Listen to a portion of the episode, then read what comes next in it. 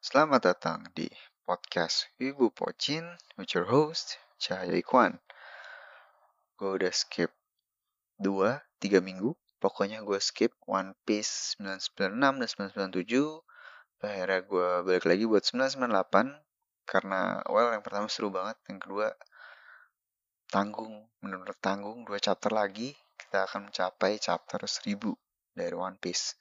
So, sebelum masuk ke situ, update dari dunia manga dan anime. Mungkin yang pertama, um, yang paling ini kali ya semua orang udah pada tahu, season 4 dari Shingeki no Kyojin alias Attack on Titan akhirnya tayang. Final season di tanggal uh, di minggu pertama Desember. Ada di Ani Plus dan yang paling penting dia juga tayang secara simulcast di Netflix di Netflix Indonesia tentunya ada juga. Jadi ini bakal rame banget sih gue yakin yang nonton bakal banyak dan karena koleksi mereka di Netflix itu udah komplit kan dari season 1, 2, 3 dan 3 part 2. Jadi menurut gue bakal banyak banget nih yang nonton dari awal demi untuk catch up ke season 4-nya. Gue yakin angkanya bakal naik banget dan bakal makin banyak sih fans dari serial satu ini yang animenya sendiri udah dari 2013 loh jadi udah 7 tahun dan gue pribadi well gue nggak sabar sih final season ini gimana karena ada beberapa scene yang gue pengen banget sih lihat dalam wujud animasi.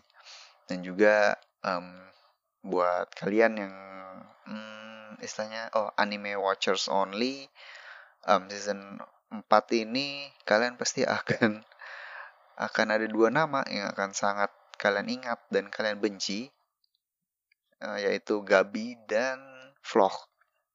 Remember those names. Remember those two names. Those uh, characters. And selain Shingeki no Kyojin, um, ada apa lagi ya? Uh, oh, Yakuza Kuno Neverland, Promise Neverland sudah announce uh, season 2-nya di tahun 2021 itu itu masih jauh. Dan yang lebih hype lagi adalah anime dari Chainsaw Man manga dari Shonen Jump. Yang kalau kalian sampai sekarang belum baca gue sangat sangat menyarankan kalian buat baca. Itu it's a roller coaster ride. Itu manga gila men dan gue sama sekarang masih bingung kenapa bisa running di Weekly Shonen Jump. Itu liar banget kayak device your expectation, um, crazy plot, crazy characters, crazy fights, crazy everything. Go read uh, Chainsaw Man kalau kalian belum. Terus um, apa lagi ya? Hmm, well, kayaknya itu aja sih. Jadi, abis ini kalian bakal mendengarkan review dari One Piece chapter 998.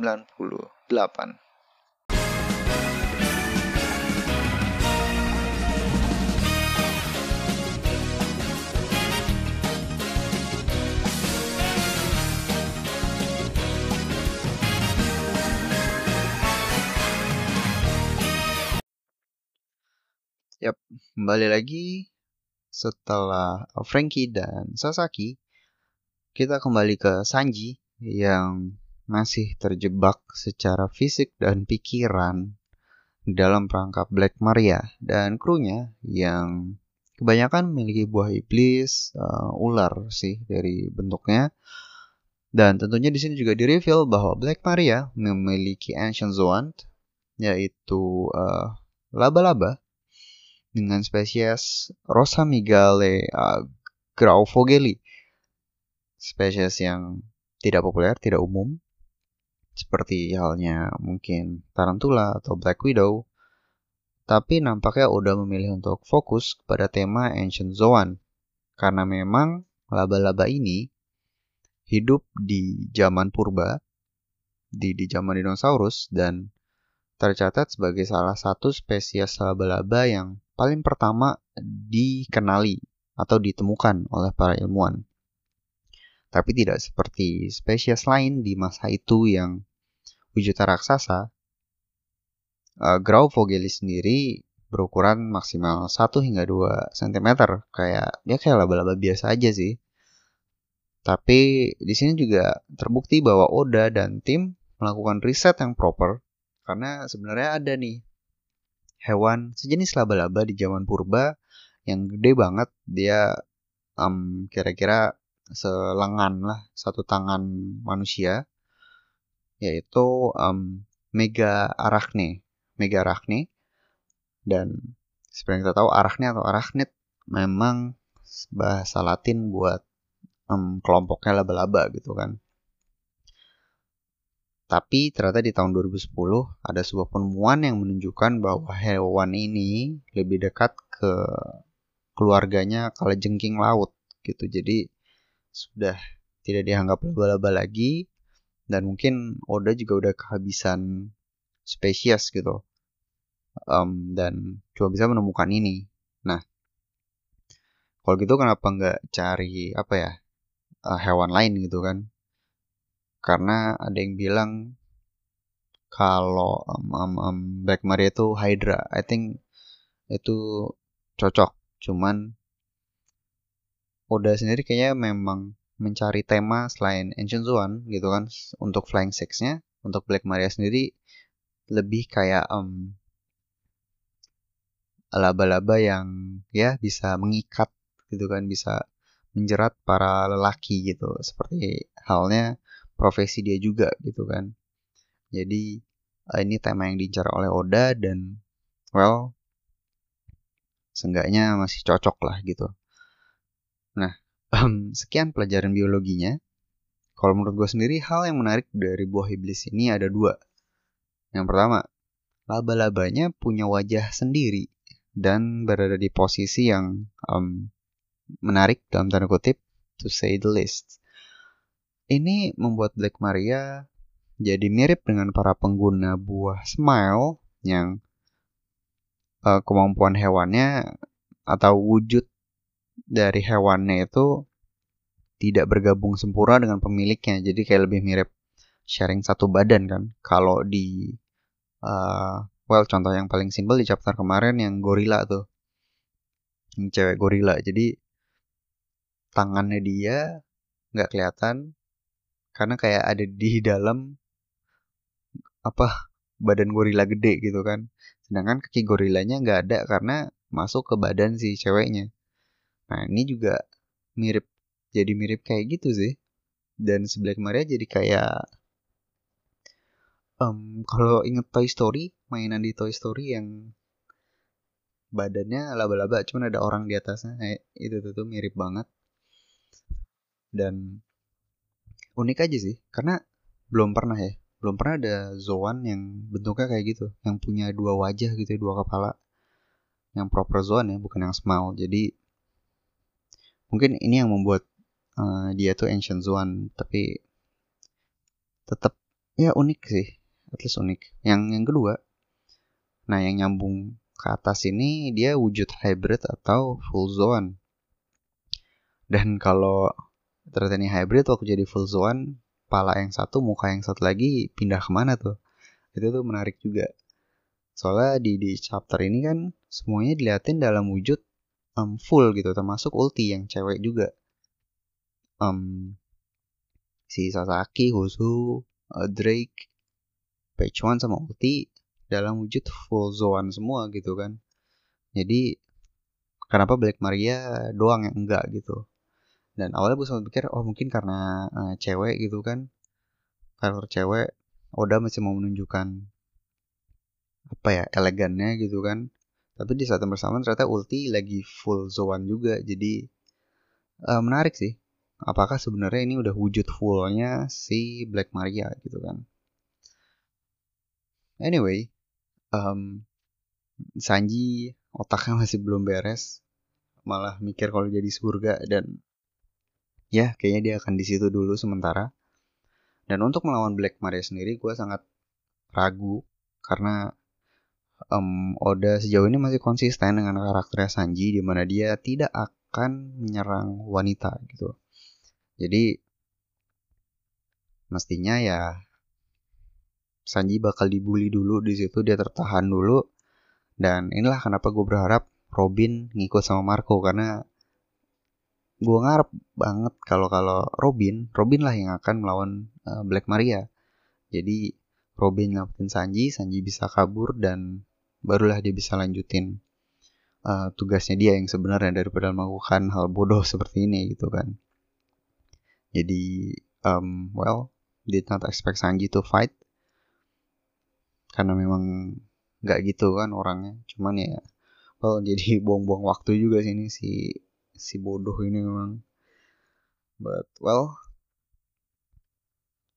tidak berhenti di situ ya scene berikutnya uh, chapter ini sesuai dengan judulnya Oda benar-benar memperlihatkan kekuatan dari semua Tobiropo yang tersisa dan sesuai dengan judulnya Ancient Zone Hushu ternyata adalah Ancient Zone juga dan dia adalah Sabertooth.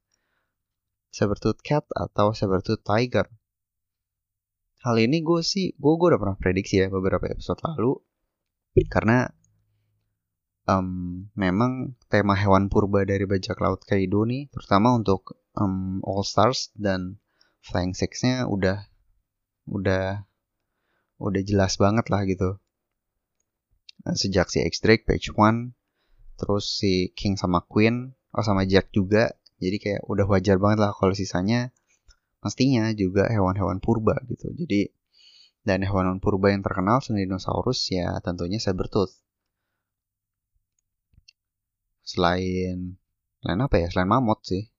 Jadi um, ya nggak begitu kaget. Atau lebih tepatnya uh, pu, uh, apa ya? Sesuai ekspektasi lah gitu. Akhirnya ada hewan sabertooth. Karena sebenarnya selain itu juga gue sempat ngarep ada ada T-Rex kayak ada apa ya Velociraptor. Tapi ternyata nggak ada karena well udah di reveal semua kan. Mungkin sih saya Yamato tapi kita belum tahu. Yamato nih buah iblisnya apa nih? Well sekarang masuk ke biologi lagi sedikit. Sabertooth sendiri uh, tentunya udah punah dan pada masanya merupakan moyang dari singa. Um, dari macan maksudnya.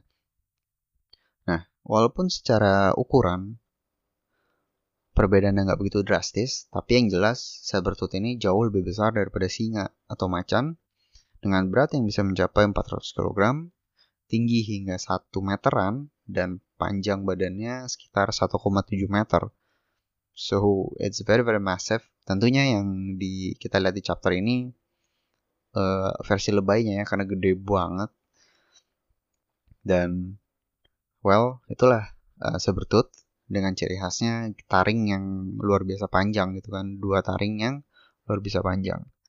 Nah hal ini juga mestinya bisa gue tebak lebih cepat sih karena krunya bertema kucing kan dan itu udah diperlihatkan sejak beberapa chapter lalu. Jadi kayak ya yeah, it's should have seen it coming gitu. But anyway uh, detail yang menarik adalah lokasinya ternyata adalah cat cafe kayak cafe kucing. Jadi lucu aja sih. Ada cafe cafe kucing di Onigashima. Dan beneran isinya manusia kucing semua. But well ternyata uh, ini adalah tempat di mana Jinbei berpisah dengan Luffy. Dan Jinbei akan melawan Who's Who. Dan um, menurut gue ini match up match up yang cukup fix. Um, Jinbei akan melawan krunya Husu dan Husu sendiri. Itu it's a proper fight for him gitu. Ditambah lagi ternyata ada sebuah ada sebuah foreshadowing yang ditanam oleh Oda mengenai identitas asli dari Husu yang menurut gua entah Oda sengaja atau gimana karena uh, karena kalau kalau dalam bahasa Inggris lu bisa membuat jokes kayak so who is Husu who's who's who who's you get you get the point right? Nah untuk karakter yang namanya udah aneh banget dan temanya siapa gitu kan? Who's who? Ternyata lu ditambahin lagi misteri bahwa ada identitas rahasia dari orang ini gitu kan? Jadi who's who ini siapa? Dan I think it's just a sick joke from Oda himself. But anyway kayaknya dia ada berhubungan dengan Jinbei atau lebih tepatnya masa lalu dia sebagai um, Shichibukai. A no clue as of now. Tapi ini bisa jadi sesuatu yang sangat-sangat menarik. Dan hal menarik lainnya tentunya adalah saat Jinbei yang dipanggil oleh Shichibukai cuma dia kayak no no no. Sekarang please panggil gue helmsman-nya topi jerami. Kayak kayak Shichibukai lebih kecil, lebih kecil, lebih kecil daripada kru topi jerami. I think that is very cool from Jinbei. But wow. Anyway, Jinbei versus Susu. Um, Sanji versus Black Maria enggak sih itu enggak. Frankie versus Sasaki dan Drake versus Apo. Nah, uh, scene berikutnya setelah setelah dibuka dengan Tobiropo yang membelot yaitu Drake. Chapter ini tentunya nggak bakal lengkap tanpa kehadiran kakak beradik dinosaurus yaitu Ulti dan Page One. Di sini mereka ternyata masih niat ya, mereka masih ngejar Nami dan Usopp dan sesuai dugaan gue ini akan jadi match up yang fix juga walaupun pertarungannya agak panjang gitu karena mereka harus kabur dulu kan untuk uh, recovery uh, Nami dan Usopp. Nah, ada panel kecil di di bawah gitu menunjukkan ada kayak karakter yang kayak kesakitan dan itu itu sebenarnya adalah babon temannya si Otama yang namanya Hihimaru yang beberapa chapter lalu memang menghadang Ulti dan Pechman um, buying time biar Otama bisa kabur bareng Nami sama Usopp. Jadi kayak itu maksudnya tuh udah ya udah kalah gitu makanya Ulti sama Pechon udah bisa nyari uh, Nami dan Usopp lagi. Dan well mereka muncul sebenarnya cuma buat ngelengkapin ini sih uh, judul atau tema dari chapter ini gitu kan yaitu Ancient Zoans di mana isinya basically chapter ini adalah perkenalan dari semua Tobiropo dan kekuatan mereka gitu. Jadi setelah dua itu ada pindah scene kecil lagi di mana akhirnya uh, Yamato berhasil membawa Momo dan Shinobu ke tempat yang aman. Karena well udah nggak bisa kabur jadi cari tempat aja dan mereka nyampe di sebuah gudang. Di mana di situ ada patung naga raksasa yang mirip mirip banget sama Kaido.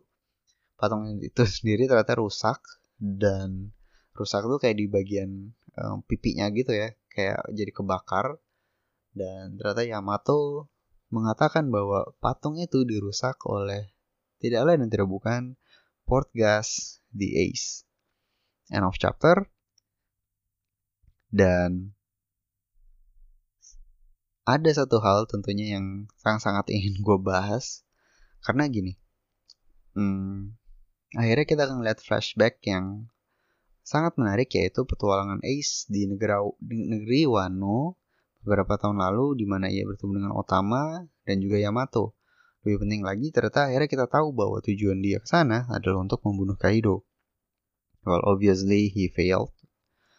Dan uh, Ace emang gitu kan, dia tipe yang kayak oke okay, gue nggak mau side quest, gue langsung main questnya aja, gue langsung ngincer bosnya aja.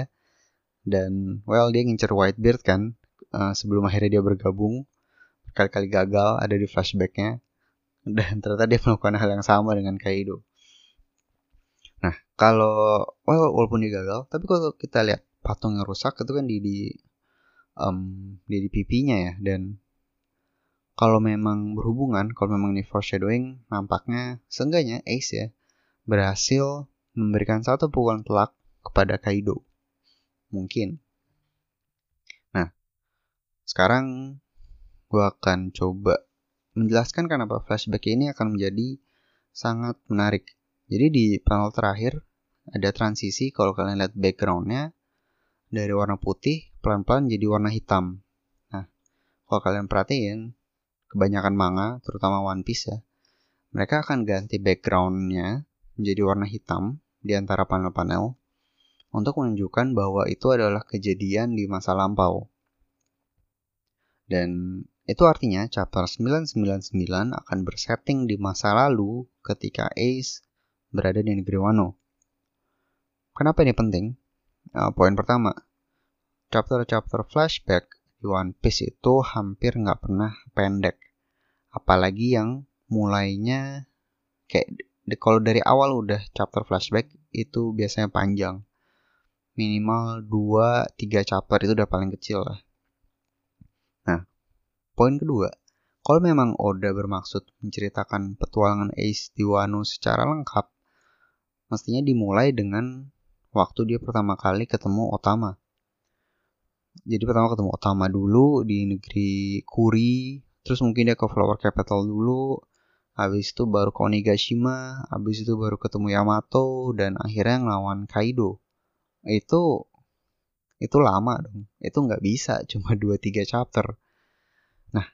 Kalau begitu, artinya chapter milestone One Piece yang yang sangat bersejarah yang udah kita semua tunggu-tunggu yaitu chapter 1000 kemungkinan besar akan terjadi di masa lalu dengan Ace sebagai tokoh sentralnya. Nah, kira-kira plot-plot apa yang akan di-reveal oleh Oda Sensei yang berkaitan dengan either Ace, Yamato, atau Kaido?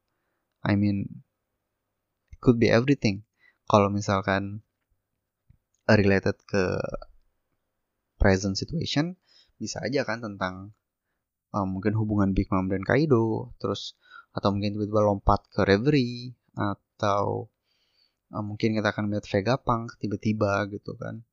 Tapi karena ini berkaitan dengan masa lalu itu hal yang fix gitu kan. Jadi apa nih apa yang akan kita lihat? Dan honestly I have zero idea but I'm having more hype than ever right now for chapter 1000 gitu. I mean tinggal dua chapter lagi sebelum uh, sekali lagi ada biggest milestone in One Piece history and and and we're having a flashback instead instead. I mean that's crazy. Crazy from Oda Sensei.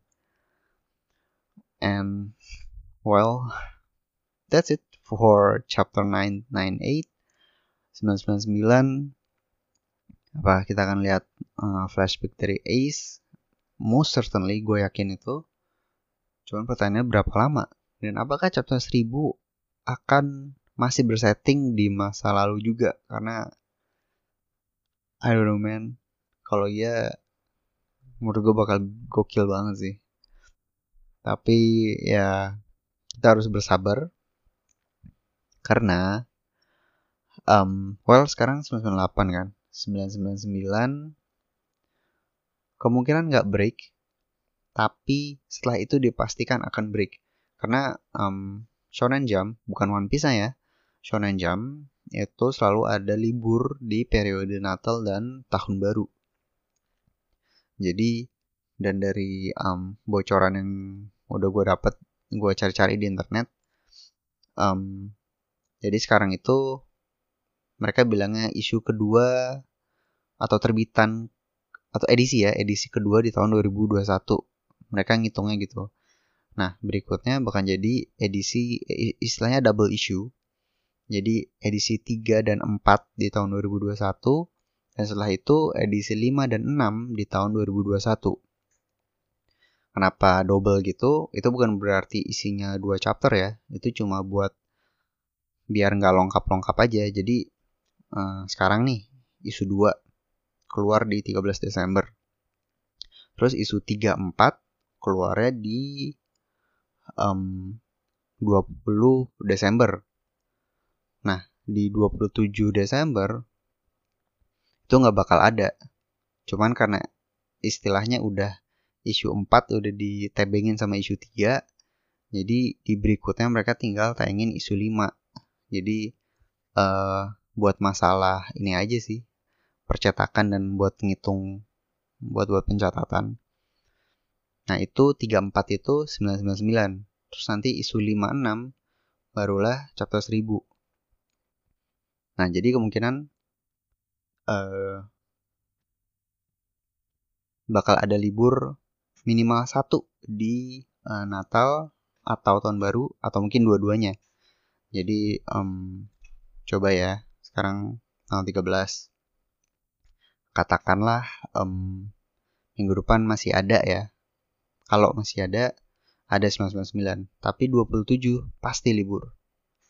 Baru ada lagi di tanggal 3 itu kan udah tahun depan berarti chapter 1000 baru ada di tahun 2021 atau kalau minggu depan nggak ada. Terus minggu depan ada nih 999 di tanggal 27 Desember. Tapi nggak mungkin sih. Minggu depan lagi baru chapter 1000 itu juga di 2021 jadi ya uh, memang udah gak mungkin sih untuk chapter 1000 terbit di tahun 2020 tapi ada satu hal yang gue nggak tahu ya ini sengaja atau enggak jadi isu di mana chapter 1000 akan terbit itu kan isu 5 dan 6 dari Shonen Jump ya. Isu dan 5 dan isu 5 dan 6 dari Shonen Jump di tahun 2021. 5 6 itu kalau dalam bahasa Jepang bisa disingkat menjadi Gomu. Jadi gua nggak tahu sih ini sebuah foreshadowing dari Oda lagi atau gimana, tapi yang jelas uh, chapter 1000 dari One Piece akan terbit di edisi Gomu dari Shonen Jump.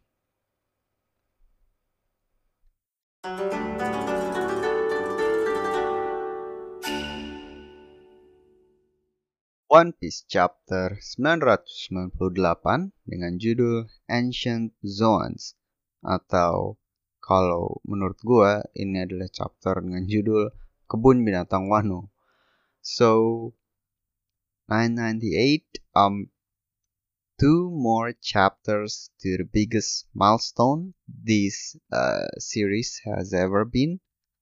Chapter 1000. Dua lagi um dan wow, it's it's full of hype dan chapter ini juga uh, keren banget karena kita dapat reveal dari uh, kekuatan milik para anggota Tobiropo alias Flying Six So, um, sebelum masuk ke chapter sendiri, seperti biasa, yang simple-simple dulu dari chapter cover. Lumayan uh, lucu gitu kan, di mana ada Enel lagi dengerin musik sambil tiduran bareng kucing raksasa. Apakah musik yang didengarkan adalah musik Eminem? Karena kita tahu bahwa sebenarnya Enel ini emang based on a rapper legendaris itu kan. Dan emang mirip banget. But anyway, um, nothing special tentang covernya sendiri. Kecuali mungkin fakta bahwa ya kita udah lama nggak ada Tenol dan walaupun nggak ada tanda-tanda bahwa dia akan muncul lagi nanti di masa depan, tapi well we all know pasti banyak yang ngarepin dia bakal muncul lagi karena karakternya menarik dan kekuatannya sangat-sangat keren. And so ya kayaknya itu semua uh, tentang cover chapter kita langsung masuk ke dalam chapternya 998 dibuka dengan sebuah gambar dari Pulau Onigashima yang lagi OTW ke Flower Capital dan karena kemarin gue skip membahas 997 dan 996 juga kita coba mundur sejenak untuk membahas kekuatan dari Kaido yang satu ini. Jadi yang pertama um, Cloud Flames yang dihasilkan oleh uh, kaum naga ini mengutip dari Yamato kan di 997 bisa dibilang sebagai mythical atau magical properties dari uh, Zoan mistis. Dari mythical Zoan seperti halnya api penyembuh atau regeneratif milik Marco atau bisa berubah wujud seperti Katarina Devon uh, dari bajak laut Kurohige. Dan ya walaupun masih ada teori tentang uh, Kaido itu sebenarnya bukan manusia. Jadi kayak ada yang bilang Kaido itu sebenarnya naga cuma dia makan buah iblis manusia. Kan ada tuh buah iblis itu itu yang dimakan sama Chopper dan um, Sengoku gitu. Jadi it remains to be seen. Tapi yang jelas semua naga nampaknya memiliki kekuatan ini dan um, masih masuk masih masuk sih. Jadi kalau kalau ini adalah magical properties dari buah iblis naganya si Kaido. Hal yang kedua adalah um, clue mengenai konsep Devil Fruit Awakening yang sudah beberapa kali disebut dan sudah ditunjukkan oleh The Flamingo dan Katakuri. Di mana sudah ada kesamaan nih sudah sudah ada pola di mana mereka mampu membuat objek uh, objek mati gitu kan benda tidak hidup di sekitar mereka untuk memiliki properti dari buah iblis yang mereka miliki, um, benang dan mochi respectively. Dengan pola tersebut berarti sebenarnya Kaido melakukan hal yang sama kan dengan Pulau Onigashima. Jadi dia membuat um, cloud flames dengan konsentrasi yang lebih gede, lebih banyak dan digunakan untuk mengapungkan Pulau Onigashima gitu. Yang tentunya merupakan sebuah benda mati. Dan well kalau dipikir lagi kalau bisa ngangkut satu pulau tanpa awakening itu gila banget sih even for Yonko gitu kan jadi in terms of uh, creating natural disasters with their powers Kaido udah masuk lah kategori itu udah setara dengan um, Big Mom yang yang bikin tsunami dan sama Shirohige juga bisa bikin tsunami gitu kan Well, I think that's all mengenai kekuatan Kaido yang satu ini. Hmm, oh, sama juga. Well, apakah saat dia bertarung, saat dia melemah atau konsentrasi berkurang, apakah nanti um, pulaunya bakal jatuh gitu? Itu itu menarik sih, walaupun bakal chaos banget kalau kayak gitu. But anyway, sekarang kita beneran masuk dalam chapternya.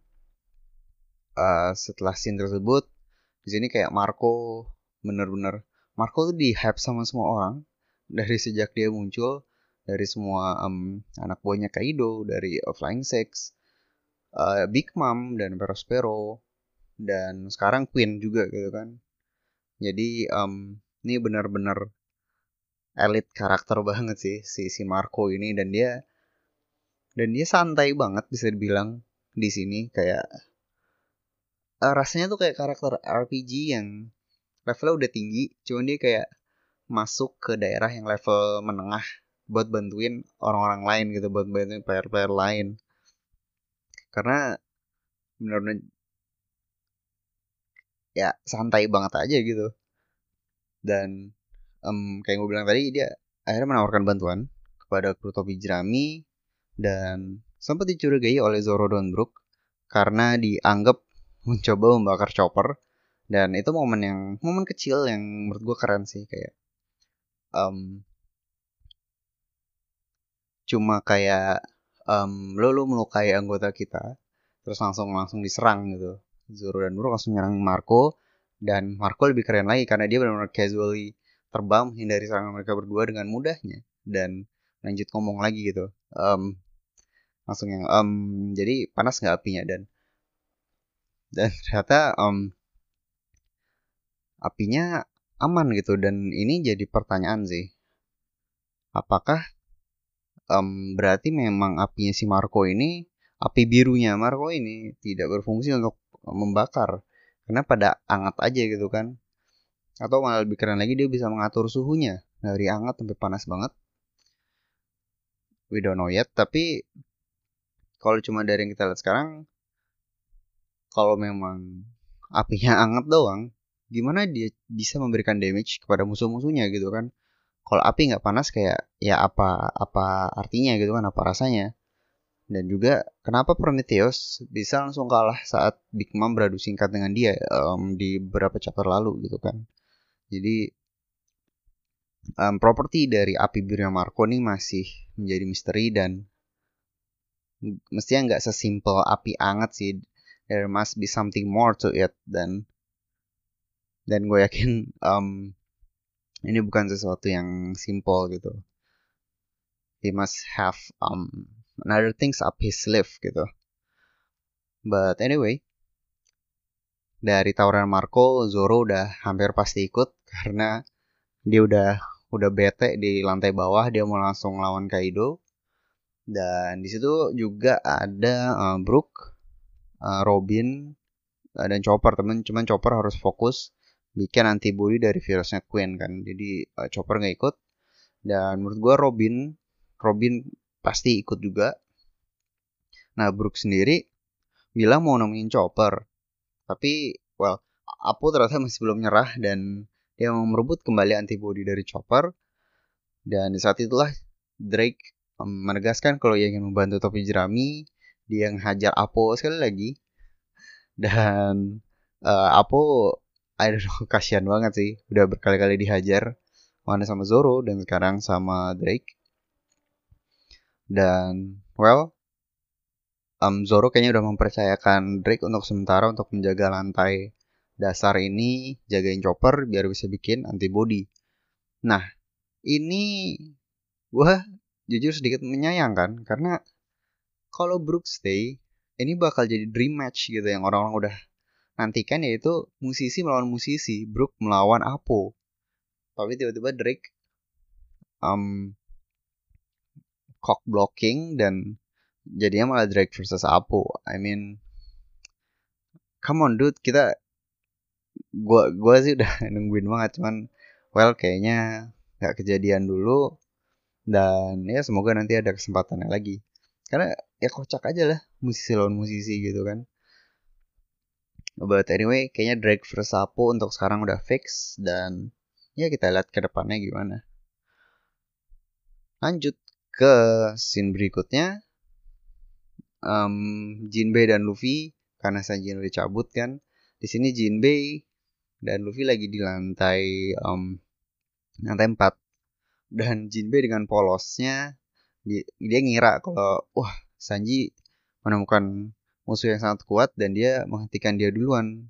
Jadi biar kita bisa maju gitu. Terus Luffy yang kayak wah observation haki aku kurang, kurang kuat ya berarti. Dan kayak menurut gua kalau lu kalau lu suka detail-detail kecil itu jokes yang kocak banget. Karena dua hal. Yang pertama Jinbei yang being clueless dan um, di saat yang bersamaan dia being positif terhadap kru barunya itu sudah kejadian beberapa kali di di arc Wano ini. Di mana dengan polosnya mempercayakan para kru topi jerami uh, dan mengira bahwa mereka uh, akan mengerjakan sesuatu sesuai rencana. Yang pertama kan waktu Luffy tiba-tiba kabur. Itu kan dia bilangnya uh, aku kan menghajar Kaido duluan gitu terus oh sorry uh, eh, gue bakal ngejar si Kid duluan karena dia nggak tahu rencananya. Terus Jinbei kayak oke okay. terus dia dia biarin Luffy kabur gitu. Terus tiba-tiba Zoro kabur juga. Luffy itu nggak bisa diharapin gue harus ngejar dia gitu. Dan dengan dengan santainya Jinbei kayak oke okay, gitu. Dan akhirnya dia malah dimarahin sama Nami dan dan Sanji dan lain-lain kan karena jelas-jelas Zoro pasti bakal nyasar gitu kan. Dan Luffy mana tahu rencananya gitu. Nah di sini dia melakukan hal itu lagi terhadap Sanji gitu kan. Nah dia ngira kalau Sanji itu um, sedang menghadapi lawan yang kuat. Jadi um, film gue ini akan jadi running jokes dari Jinbei, um, di mana dia mengexpect bahwa semua kru topi jerami um, sangat-sangat capable, which they are, cuman uh, cuman ya salah paham aja lah gitu. Nah mengenai Sanji sendiri ini kita bahas sedikit ya. Dan karena Luffy mention tentang Ken Bunshoku alias observation haki di sini kan dia bilang kayak uh, dia menganggap kalau Ken Bunshoku nya masih kurang. Padahal jelas-jelas dia udah ngalahin katakuri yang yang udah top banget. Dan sekarang Luffy udah bisa melihat masa depan gitu kan. Nah cuman kita perlu ingat juga di, di SBS di, di salah satu volume One Piece Oda sendiri udah menjelaskan bahwa Luffy memang cenderung lebih uh, berbakat di Haushoku alias uh, Conqueror's Haki. Terus Zoro di Busoshoku alias Armament sedangkan Sanji ya di Kenbunshoku dan bukti yang paling valid menurut gua ada di arc uh, Whole Cake Island di mana Katakuri yang seperti yang udah gue bilang sebelumnya karakter dengan uh, Ken Bunshoku haki paling kuat sejauh ini di One Piece. Karena bisa lihat masa depan dan dan well Luffy di dibully gitu kan. Walaupun kayak gue bilang tadi juga kan Luffy udah bisa mencapai level tersebut. Kata Kuri gagal menyerang Sanji waktu momen pernikahan dengan Puding kan. Karena Sanji udah memprediksi serangan tersebut lebih dulu dari kata Kuri jadi kalau bicarakan Bunshoku Haki emang nggak sembarangan di sini Sanji. Uh, tapi memang di chapter lalu Sanji bergerak bukan karena itu, karena karena dia melihat ada wanita yang ingin diserang gitu kan dan well maybe somehow itu memperkuat hakinya dia juga mungkin ya dan well akhirnya seperti Sanji nampaknya Jinbe juga harus stay di lantai 4 agar Luffy bisa lanjut ke atap. Nah gue bisa cek lagi um, layoutnya Kastil Onigashima dan ternyata ada lima lantai gitu. Jadi kalau mau ke atap Luffy masih ada satu lantai lagi. Nah kalau kosong kan nggak seru ya. Jadi gue yakin bakal ada seseorang di situ dan masalahnya di chapter ini kita udah lihat semua karakter yang yang muncul uh, terutama Tobiropo gitu kan dari sisi musuh maksudnya. Nah kalau gini lantai 5 bakal diisi siapa nih? Dan dan kalau tebakan gue dan karena menurut gue nggak akan semudah itu sih ketemu Kaido langsung gitu. Nah jadi tebakan gue yang akan ada di lantai 5 adalah Jack. Seperti yang kita tahu Jack belum lama diminta mundur oleh Kaido setelah dikalahkan oleh Nekomamushi dan Inuarashi dalam wujud sulong. Diminta mundur biar akhirnya Kaido bisa um, melawan semua Akazayan lain sendiri gitu kan. Jadi dan dan diminta mundur dari atap ke lantai 5 deket kan. So I think it makes sense. Di mana Jack sebenarnya lagi recovery di lantai 5 terus Luffy datang ke sana dan bam Luffy versus Jack itu tebakan gue tapi uh, tentunya kalau harus ngelawan um, um, Yonko eksekutif dulu apakah bakal memakan terlalu banyak energi Luffy gitu kan? Jadi uh, sangat mungkin juga kalau akan ada yang bantuin dia. Karena kita belum lihat Kid uh, dan Killer kita belum lihat Lau. Walaupun Kid dan Lau menurut gue pasti akan join Luffy ke atap untuk nanti yang lawan Kaido. Jadi uh, either Luffy akan lawan Jack atau ada karakter lain yang lawan Jack tapi yang jelas masih ada Jack. Gitu. Oke okay, um, next scene. Next scene kita ada Frankie yang benar-benar berhadapan dengan Sasaki dan dia reveal bahwa ternyata dia memiliki buah iblis Triceratops and lagi-lagi uh, dinosaurus lain dan tentunya ancient zoan ya. Nah, Triceratops ini lumayan populer sih menurut gue ya kalau di kalangan dinosaurus karena um, kepalanya unik kan dia punya tiga tanduk terus kayak belakang kepala itu kayak kipas dan kalau kalian udah pada uh, tua anak-anak 90-an kalau kalian nonton Power Rangers kalian mesti tahu kalau Power Rangers biru kan robotnya Triceratops dan kalau mau dikomplitin sebenarnya mungkin Kaido udah punya um, satu set kalau dia mau bikin Megazord atau Power Rangers karena ada Triceratops, ada Pteranodon. Uh, Pteranodon si King kan, tapi sebenarnya yang di Power Rangers tuh Pterodactyl itu beda spesies sih sebenarnya. Tapi mirip lah. Terus uh, T-Rex tentunya di Power Ranger, cuman di sini yang mirip Allosaurus kan si X Drake. Uh, terus Sabertooth yang nanti akan kita bahas punyanya Husu. Terus itu udah berapa tuh? um, Triceratops, T-Rex, Pteranodon, uh, Sabertooth. Anjir, satu lagi apa ya? Oh, satu lagi, uh, gue bisa googling. Satu lagi Mammoth, yaitu Jack. Jadi pas kan udah komplit. Jadi um, mungkin sebenarnya keinginan Kaido bukan mengumpulkan pasukan terkuat, tapi dia ingin memiliki pasukan Power Ranger sendiri. But anyway, si si Sasaki adalah Triceratops dan dia ngelawan Frankie. Tentunya pertanyaannya apakah Frankie bisa menang one on one? Well, gue sendiri agak ragu tapi kita kan sebenarnya belum melihat kemampuan penuh dari si General Frankie. Um, Battle Trial Frankie kan lawan Senior Pink di Dressrosa dia masih pakai wujud manusia jadi um, mestinya belum full power lah si Frankie ini.